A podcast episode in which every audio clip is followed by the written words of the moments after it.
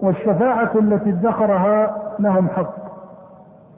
شفاعته صلى الله عليه وآله وسلم ثابتة بالكتاب والسنة وإجماع المسلمين. وله في القيامة شفاعات منها ما هو محل إجماع ومنها ما خالف فيه بعض أهل البدع. أما الشفاعة العظمى وهي المقام المحمود المذكور في قوله سبحانه عسى أن يبعثك ربك مقاما محمودا. فهي شفاعته لأهل الموقف أن يفصل بينهم. وهذه الشفاعة قد دل عليها القرآن ودل عليها السنة كما في الصحيحين من حديث أبي هريرة أن النبي صلى الله عليه وآله وسلم أتي بلحم فرفع إليه الذراع وكانت تعجبه إلى آخره وهو في سياق طويل لا يسع المجلس في ذكره ولكن ذكر فيه صلى الله عليه وسلم أن الأنبياء أو أن أولي العزم يتردون الشفاعة حتى ينتهون إليه. قال فأنطلق فآتي تحت العرش فأقع ساجدا لربي ثم يفتح الله علي ويلهمني من محامده. وحسن الثناء عليه شيئا لم يفتحه لأحد قبلي. ثم قال يا محمد ارفع رأسك وسل واشفع تشفع إلى آخر الرواية فهذه الشفاعة العظمى أجمع عليها المسلمون ولم يخالف فيها أحد. وأما الشفاعة التي حصل فيها نزاع بين أهل القبلة فنفتها الوعيدية فهي شفاعته لأهل الكبائر.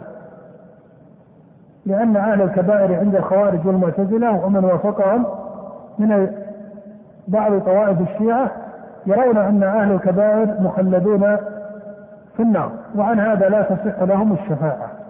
لا من استوجب منهم دخول النار فضلا عن من؟ إيش؟ فضلا عن من دخلها. وقد تواتر عن النبي صلى الله عليه وآله وسلم ذكر إخراج قوم من النار بالشفاعة. وهذا أخص من قولنا ذكر إخراج قوم من النار. فإنه لا يخلد في النار إلا من كفر برب العالمين. وأما سائر الفساق والعصاة مهما كان فسقهم وفجورهم وظلمهم ما دام أنهم موحدون لله سبحانه فإنهم إن عذبوا فإنهم إن عذبوا فإنهم لا يخلدون في النار. وحين نقول إن عذبوا لأن مسقط العقوبة عن الذنب والكبيرة له أسباب متعددة. له أسباب متعددة يأتي إن شاء الله ذكرها في أهل الكبائر. فالمقصود إن هذا النوع من الشفاعة نفته المعتزلة والخوارج. واحتجوا بنفي الشفاعة في القران عن الكفار كقوله تعالى فما لهم من شافعين ولا شك أن هذا في سياق الكفار فإن الكفار لا تحل لهم الشفاعة. وسبحانه وتعالى إنما يأذن بالشفاعة لمن يشاء من الشافعين ويرضى من المشفوعين لهم.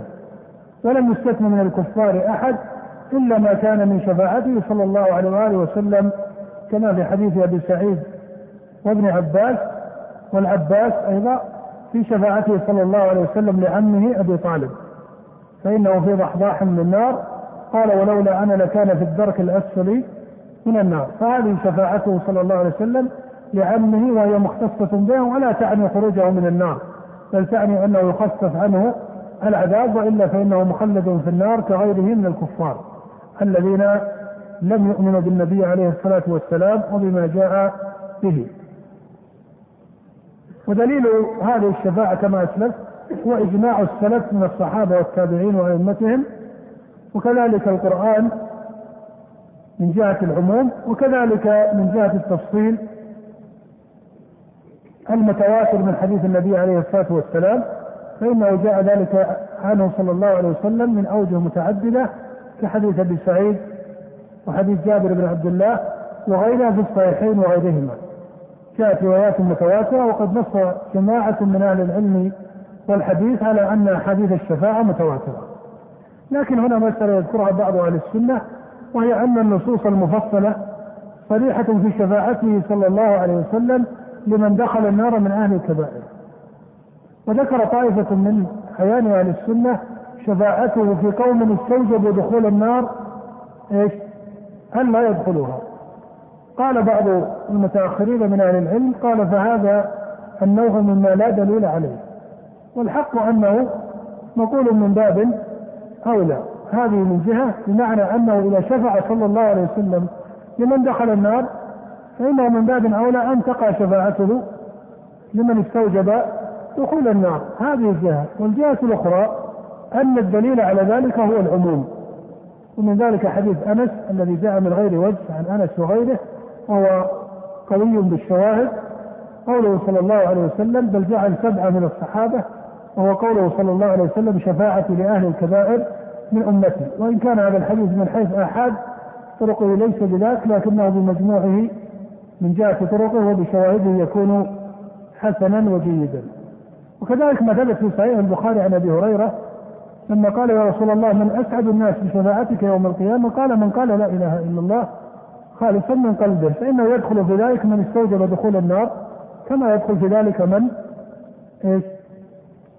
كما يدخل في ذلك من؟ دخلها فالقصد أن التردد في هذا النوع لا معنى له كما ذكره بعض المتأخرين. بل شفاعته صلى الله عليه وسلم لأهل الكبائر من دخل النار منهم ومن استوجب دخول النار. ومن مقامات شفاعته صلى الله عليه وسلم وهو المقام الخامس على هذا الترتيب شفاعته لأهل الجنة في دخولهم الجنة وفي رفع درجات بعضهم. وهذه شفاعة دل عليها السنة ودل عليها الإجماع. بل قال شيخ الإسلام إن عامة أهل القبلة يصححون هذه الشفاعة حتى المعتزلة وهي الشفاعة بالفضل وزيادته. وهي الشفاعة بالفضل وزيادته فإنه حتى المعتزلة يصرحون بها ويقرون بها. نعم.